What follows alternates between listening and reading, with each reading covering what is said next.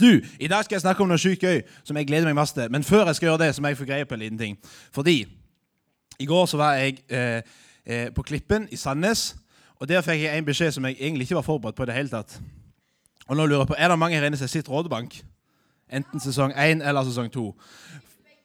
Sitt begge deler. Er det bra? Det er nokså bra. Ok, For det jeg fikk beskjed om, det var det at jeg, at jeg kunne vært som snytt ut av den serien. Og det lurer på, stemmer det? Kler jeg meg som om jeg er en råner? Ifra Bø i Telemark? Og så lurer jeg på, er det bra eller er det ikke bra? På Hauga er jo det bra, er det ikke det, å være råner? Ja, Så kjører jeg jo en sykt kul, gammel karavelle, så det er jo egentlig perfekt. Det er jo perfekt. Alle rånere kjører jo gamle biler. Så da er jeg en råner, altså. Det er jo litt kult, da. Ok. Det var egentlig ikke det vi skulle prate om, jeg tenkte det her må jeg få greie på om dette faktisk, om det har noe hold i det. Men du, før vi begynner, så skal jeg be en liten kjapp bønn, for det har jeg lært at det er en sykt lur måte å begynne på. Som jeg ber superkjapt. Jesus, vi takker deg for at vi får lov til å samles her i kveld. Og er det én ting vi har lært gjennom denne pandemien, så er det, det at det å få lov å samles sånn som dette, det er ingen selvfølge. Så det takker vi deg for. Og jeg ber deg om at du skal være med meg med det jeg skal dele i dag, og at vi som fellesskap på Ubetania i dag skal få lov å bli bedre kjent med deg. Amen. All right. Da skal vi begynne.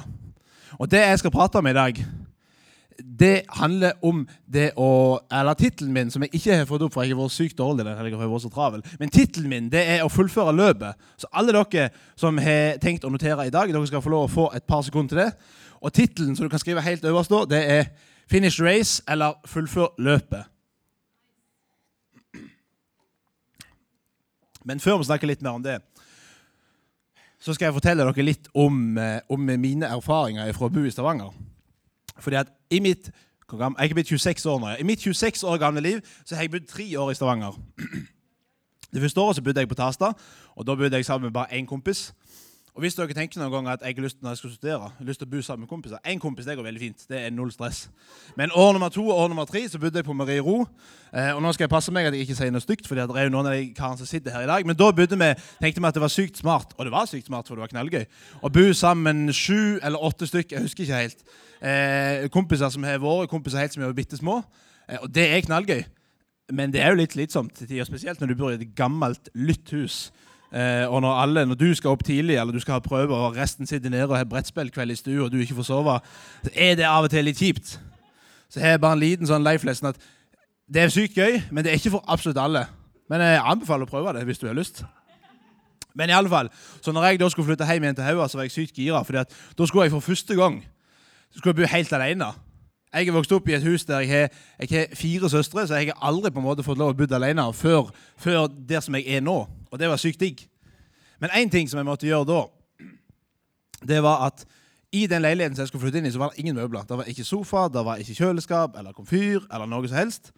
Så jeg begynte å tråle Finn for å lete etter uh, gode tilbud. Det er en ting som jeg syns er gøy, så er det det å finne gode kjøp på Finn.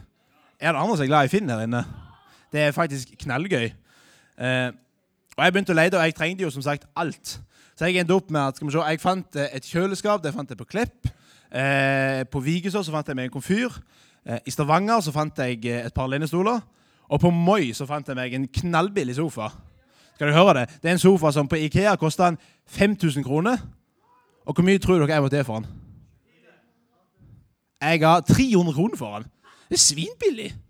Og det var ikke på Finn, det var faktisk på noe som heter Facebook Marketplace. av alle plasser. Men det var et knallkjøp. Da var jeg supergodt fornøyd.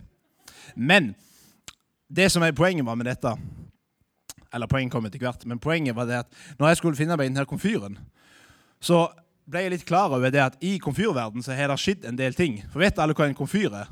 Det er ikke et ord som er brukt så veldig mye før, men før i gamle dager så var det noe som heter komfyr. og Det var en sånn firkanta kasse med platene oppe her, og så har du eh, inn her, og så er du Grandisen din inn der. Sånn var det før i gamle dager. Mens nå, vet jeg, hvis du, for eksempel, hvis du kommer på besøk til Maria Sondre, så har de noe som heter induksjonstopp. Da har du eh, boost-modus, og platene blir så vidt varme.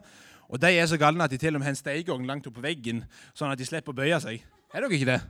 Jo, dere har det. Jeg tror det. Hvis ikke dere har det, så er det iallfall andre som har det. Ingrid har det.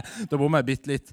Men i alle fall Det som jeg kjøpte meg, det var ikke sånne fancy ting. Så det, det var en komfyr. En god gammeldags 60 ganger 60 kasse. Eh, og Det som er sykt nice med de nye, de moderne, det som heter induksjon, det er det at de er sykt kjappe. Det går drittfort å koke vann. Eh, så en liter vann koker du kanskje bare på know, et minutt eller to. Men en annen ting som er veldig bra med moderne pladetopper, det er det at når du setter den på 10 eller på boost, så får du maks varme. Hvis du setter den på 5, så da får du 5 i varme. Hvis du setter den på 2, så får du 2 i varme. ikke sant? Det gir jo mening. Så hvis du har lyst på låg varme, så setter du den på noe lågt, og så får du låg varme. Har du lyst på noe høyt, du den på noe høyt, så får du høy varme. Så får du liksom enten hele oppe der hele veien, eller hele veien der nede. Men min komfyr den er ikke induksjonstopp. Det er noe som heter keramisk topp. Og den funker ikke sånn. Den funker helt ja, det er faktisk, Jeg syns det er helt idiotisk at det er noen som tenkte at det der skal være en smart greie. For den funker sånn. Setter jeg den på ti, så er det good. Da er vi her oppe hele veien. Men setter jeg den på f.eks. to hvis jeg skal småkoke et eller annet. Så begynner vi på topp, bånn gass, og så er han på kanskje bitte litt, og så skrur han seg av. Og så er han av i kanskje I don't know, så og så lenge før han skrur seg på igjen. Og Det er måten han regulerer seg på, fordi at så dum er han. Så hvis jeg sender på fem på halvparten, så er det liksom halvparten til på, og så halvparten til av. Setter jeg han på én, så er han på bitte litt, og så er han av drittlenge. Og det funker sykt dårlig når du skal småkoke ting. Hvis du skal lage deg saus eller jeg vet ikke, de tingene som trenger å småkoke. fordi at eh, du går ifra kokepunktet til null, og så går du liksom sånn der opp og ned, og du får ikke den der jevne greia. Og denne historien her virker kanskje litt søkt, og den er kanskje litt søkt. Poenget er ikke at dere skal lære dere så sykt mye om komfyrer og pladetopper og induksjonstopper og stekeovner. Men nå har dere gjort det òg, så nå kan dere i hvert fall fortelle dere har lært det. Men poenget er at den der greia der det er en sykt dårlig måte å være en pladetopp på. Er dere enige? Vil jo mye heller ha en induksjonstopp. Men ikke bare er det det. Det er en sykt slitsom måte å leve på. Å være opp og ned hele tida. Ikke bare det, men det er òg en sykt slitsom måte å tro på å ha ei tro som går opp og ned. Fordi Det er så altfor mange historier om ungdommer om unge mennesker som når de er, når de er unge, så har de en brann for Jesus. De tenker at yes, dette er sykt bra. De Kanskje de til og med setter av et år til å gå på bibelskole eller på DTS. eller et eller annet. Men så som årene går, og hverdagen tar de, så blir det som en gang var en brann, det blir bare til en liten glo. Og kanskje til slutt så dør det til og med helt ut. Og Noe av det viktigste mener jeg på som, som meg og Maria og Sondre og alle de andre vanvittig bra folkene som er ungdomsledere i Norge, gjør, det er det å hjelpe ungdom og hjelpe mennesker til å bygge et fundament for troa si, sånn at det kan være en tro som varer hele livet. Og Det er sykt viktig, og det er det som jeg har lyst til å prate om i dag. Ikke om komfyrer og plavetopper og alt det. Men nå husker dere det kanskje. Um, og I Bibelen så finner vi en som heter Paulus. Uh, og Han snakker litt om akkurat dette. Vi skal lese noe som han har skrevet i en bok som heter 2. Timoteus brev. Og Dette er ikke mye. Dette er kanskje den korteste prekenteksten du har hørt noen gang. For dette er ett vers, det er én setning, og det er elleve ord bare. Men i de elleve ordene så ligger det sykt mye kraft. Og Det står altså i 2. Timoteus 4,7. Og der står det Og dette er Paulus som skriver. Jeg har stridd den gode strid, fullført løpet og bevare troen. Men for at dette skal få betydning, for at vi skal skjønne hva det her faktisk betyr, så trenger vi én ting, og det er et ord som heter kontekst. Er det noen som vet hva kontekst er for noe? Eller har hørt det ordet før? Det er en sykt bra ting som jeg elsker, og jeg tenkte at jeg skulle finne opp definisjonen for dere. sånn at dette blir 100% riktig. Så på Store norske leksikon folkens, der står det at kontekst det handler om den sammenhengen som noe befinner seg i. Det vil altså si at de omstendighetene som fins rundt når noe ble til. Bare tenk deg hvor merkelig Jeg sa litt til deg i tidligere dag de hadde bønnemøte, at jeg skulle snakke litt om 17. mai. Og det skal jeg gjøre nå. Fordi de fleste land, spesielt de landene som er litt sterke og store, akkurat sånn som Norge er Når de har sin nasjonaldag, så feirer de med at de stiller militæret ut i gatene, og så marsjerer de for å vise hvor store og sterke og uovervinnelige vi er. Men i Norge så er det ikke det vi gjør i det hele tatt. I Norge så er det barnetog, og det er pulse, og det er is, og i Bergen så er det noe som heter buekorps. Hva enn det er for noe. Eh, I andre deler av landet så har vi bare vanlig korps. Men hvis du kjenner til konteksten til Norge, hvis du kjenner til Norges historie, at Norge har vært eh, undertrykt av både Danmark av både Sverige, at vi var under Tyskland under, under andre verdenskrig, så blir barnetog verdens mest naturlige måte å feire nasjonaldagen vår på. Og det er det kontekst handler om. Og Kontekst er ikke bare bra for å forstå hvorfor vi feirer 17. mai, men kontekst er jo en sykt bra ting å lære litt om når du leser Bibelen. fordi at da forstår du hvorfor er dette blitt skrevet, hvem er det som har skrevet det, hvem er det som skal motta det her greiene her. Og det skal vi prate bitte litt om nå. Bare sånn at dere skal forstå litt mer hvor viktig og hvor bra det her faktisk er. Fordi at det er en som heter Paulus, som har skrevet dette. Og i Nytestamentet så er Paulus kanskje altså Hvis Du tenker du har Jesus, og så har du kanskje Paulus på andreplass. Så er det en som heter Peter, som kanskje krangler litt om den andreplassen. Men jeg vil tørre å påstå at Paulus kanskje er nummer to av viktige personer i Nytestamentet. Og Paulus han er den første som kommer på den geniale ideen om at eh, kanskje vi skal fortelle om Jesus til andre enn bare jøder. Så Han er den første som går ut til de som Bibelen kaller for hedninger, altså egentlig det som er meg og deg, og forteller om Jesus. Så vi kan faktisk i stor grad her oppe i kalde Norge eh, takke Paulus for at vi har fått lov å lære om Jesus. Eh, men når vi er bekjent med Paulus i begynnelsen av, eller begynnelsen av Nytestamentet, så er han ikke sånn. For det som Paulus elsker å gjøre da, det er at han elsker å ja, elsker å hate. Han elsker å hate kristne. Og han, Hans favoritthobby det er liksom å finne ut hvor er det de kristne holder til, hvor er de burene. Og Så finner han de, og så bryter han seg inn hos de, og så arresterer han de. Noen til og med henretter han. Det vil altså si at han til og med dreper kristne. Og Det er litt sjukt at den personen som Gud velger å bruke for å fortelle om eh, Jesus til oss, til, til, hovedparten av menneskene på jorda, det er en mann, en morder. Det er en mann som har gjort så mye dritt.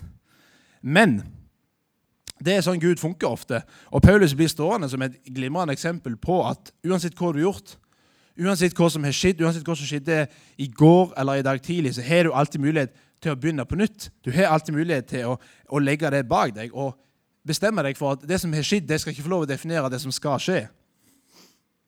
Og Det er Paulus veldig klar over. Og Han skriver i et annet brev som heter Filipperne 3, 13-14 så skriver han det at mine søsken, jeg tror ikke om meg selv at jeg har grepet det, men én ting gjør jeg.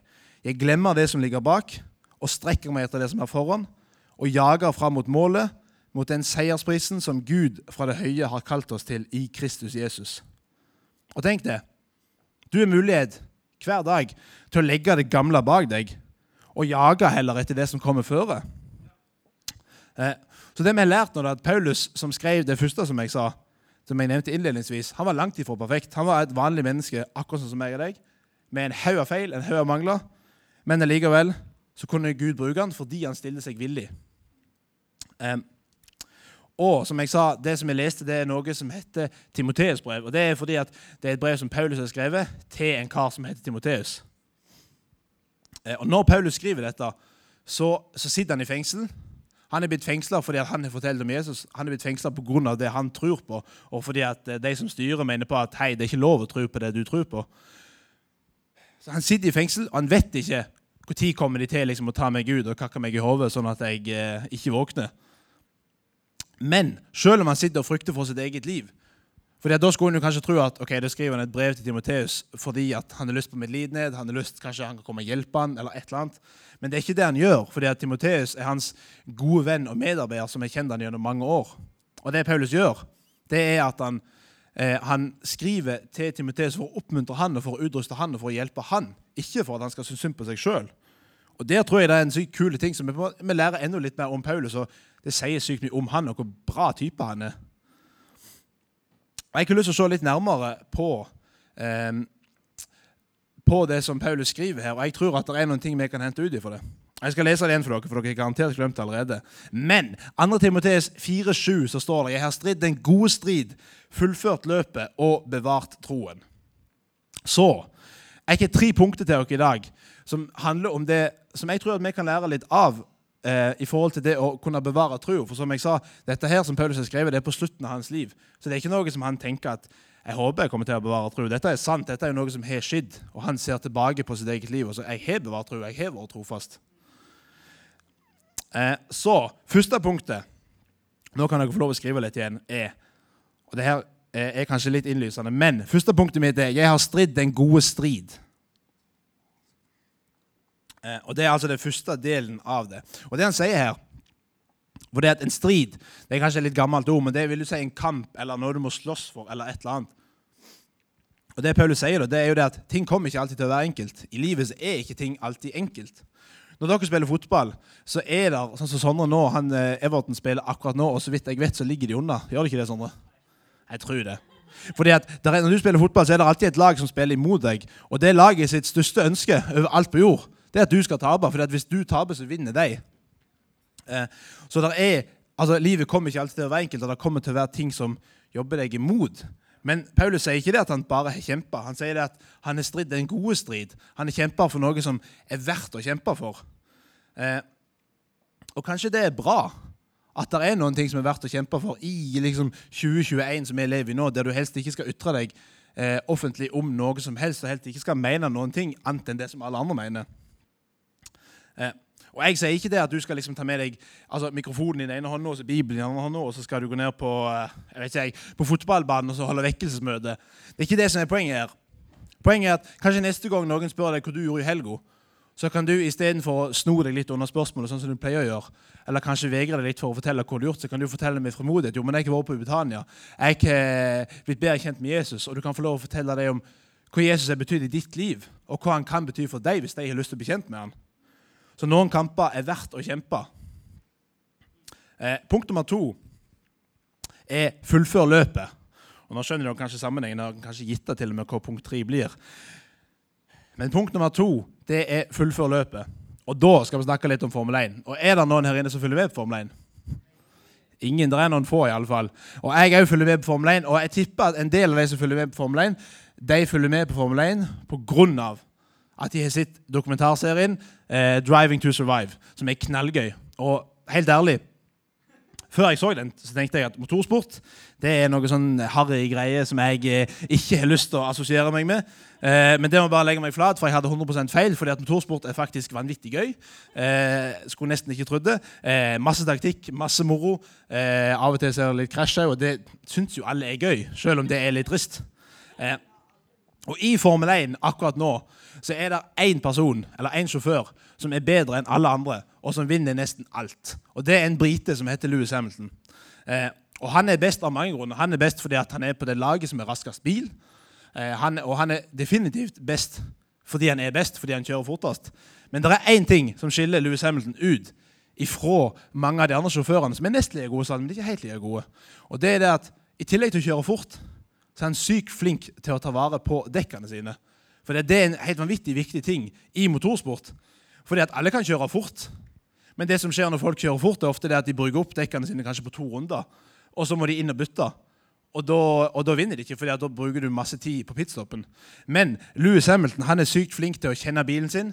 Han presser den ikke for hardt, sånn at den begynner å brenne. Han kjører ikke for fort, sånn at han sliter ut dekkene sine.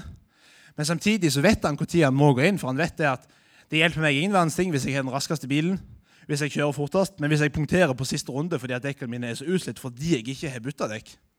Og Det er det dette punktet handler om. At vi må fullføre løpet. At vi trenger å finne de der områdene i livet vårt der ok, nå må jeg faktisk inn på pitstop. Nå må jeg inn og bytte dekk. Nå må jeg inn og hvile litt.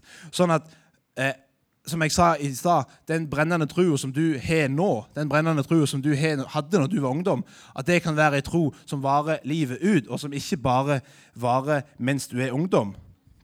Og at det kan være, ja, det kan være noe som varer.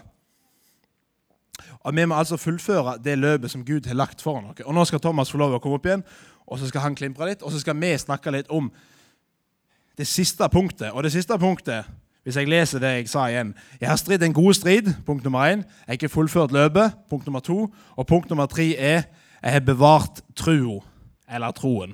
Alt ettersom. Eh, og Dette henger nøye sammen med punkt nummer to. Men forskjellen her det er at punkt nummer to så snakker vi litt mer om hva vi gjør. Mens punkt nummer tre så snakker vi om vår relasjon til Jesus. Eh, og Jeg har ikke lært, og dette er noe som Sondre sa for ikke så lenge siden, og noe som jeg syns var så bra at det skal faktisk jeg repetere. At det viktigste jeg kan gjøre i mitt liv, det viktigste du kan gjøre i ditt liv, det er å sette Jesus på førsteplass. Og som Sondre så nydelig sa, så betyr ikke det å sette Jesus på førsteplass at du må legge vekk alt det andre. Det er ikke sånn at når jeg setter Jesus på førsteplass, så da kan jeg ikke se på fotball eller gå på fotballtrening eller gå på turn eller hva som helst du holder på med. Det betyr at når du går på fotballtrening, så tar du Jesus med der. Når du går på turen, så tar du Jesus med der. Når du er på skole eller jobb, så er Jesus med der. Eh, Sånn at, at Da blir ikke Jesus noe som du kun gjør på lørdag på Britannia, og kanskje en sjelden gang en søndag hvis du gidder å stå opp til gudstjenesten. Eh, da blir troa noe som følger med deg overalt. Og ei tro som er med deg overalt, det tror jeg er ei tro som holder. Ei tro som holder hele livet. Og hvis dere husker litt tilbake, Tenk hvis vi istedenfor å være en sånn keramisk gammel platetopp som går i sånne bølgedaler opp og ned, heller kan være den induksjonstoppen som, som kan holde jevnt hele løpet. Som kan holde ut hele løpet, og som kan ha ei tru som varer hele livet. Og Nå skal dere få lov å reise dere, og så skal vi gjøre den tingen som vi alltid gjør, og som kanskje er det viktigste som vi gjør. For kanskje du sitter der og tenker men Jørgen, jeg har ingen tro. Hvordan kan jeg ha ei trofast tro, ei tro som varer hele livet, hvis jeg ikke engang har ei tro? Eh, til deg som har gode nyheter. Og Dette skal vi ikke ta lang tid, og Noen lurer kanskje på hvorfor gjør vi dette, men som jeg sa, dette tror jeg er det absolutt viktigste valget du kan ta i ditt liv. Og For å bli en kristen så handler ikke det om at som kanskje mange tror, at du må fylle en haug av regler, du må gjøre en haug av ting og krysse av liksom på ei liste hver kveld før du legger deg. Jeg har ikke vært snill og grei og, og hele pakken. Du må kun gjøre noen få enkle ting. Og I Romerne 10,9 så står det at hvis du med din munn bekjenner at Jesus er Herre, og i ditt hjerte tror at Gud har reist han opp ifra de døde, da skal du bli frelst. Og Så enkelt er det. Og Det er derfor vi har lyst hver eneste lørdag å gi en mulighet til det til de som ønsker det. Så til dere som ønsker det, så skal du få en mulighet til det nå. Og Dette er greia mellom deg og Gud. Det er ikke noe som egentlig din sidemann trenger å ha så veldig mye med å gjøre akkurat nå. Så Derfor skal vi lukke øynene og så skal vi bøye hovene, sånn at du får litt privatliv. Eh, og så skal vi gjøre det sykt enkelt. At du skal få lov når jeg teller tre, så skal du få lov å rekke opp hånda. Hvis du har lyst til å kanskje bli kjent med Jesus første gang, kanskje du har lyst til å ta opp igjen for du føler det at nå er det sykt lenge siden jeg prater med deg. Gud, jeg trenger å, å, ta et valg igjen. Jeg trenger å velge å tro på deg. Så jeg teller til tre, så kan du få lov å rekke opp hånda. Én,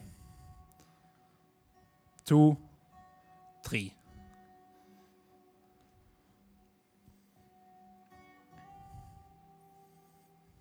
Dere skal få en kjapp mulighet til hvis det er noen som tenker at kanskje jeg skal rekke opp hånda i dag.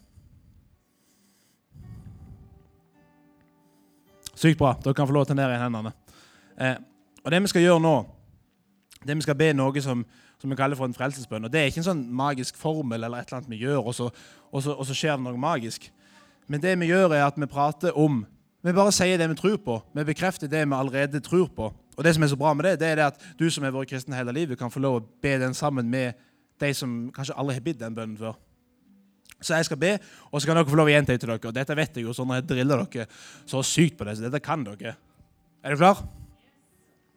Jesus, jeg tror at du er Guds sønn. At du døde for mine feil og mangler. Jeg tror at Gud reiste deg opp ifra de døde, og at du lever i dag. Nå gir jeg hele livet mitt til deg. Takk, Jesus, for at du tilgir meg. Og jeg erklærer deg som Herre i mitt liv. Og jeg vil leve resten av mitt liv for deg og med deg. Amen. Kan vi ikke gi en liten applaus til de som tok det valget i dag? For det tror jeg er et så sykt viktig valg å ta. Og hvis du tok det valget i dag, så vil jeg bare oppmuntre deg og anbefale deg til å fortelle det til noen som blir glad for det. Fortell det til noen som du vet at oi, de kommer til å bli glad av å høre det, for det er så sykt bra å fortelle det. Eh, og nå er jeg ferdig, og nå skal Maria og Son nei, Maria Sondre, Maria og resten kjøre litt lovsang for dere før vi er ferdig.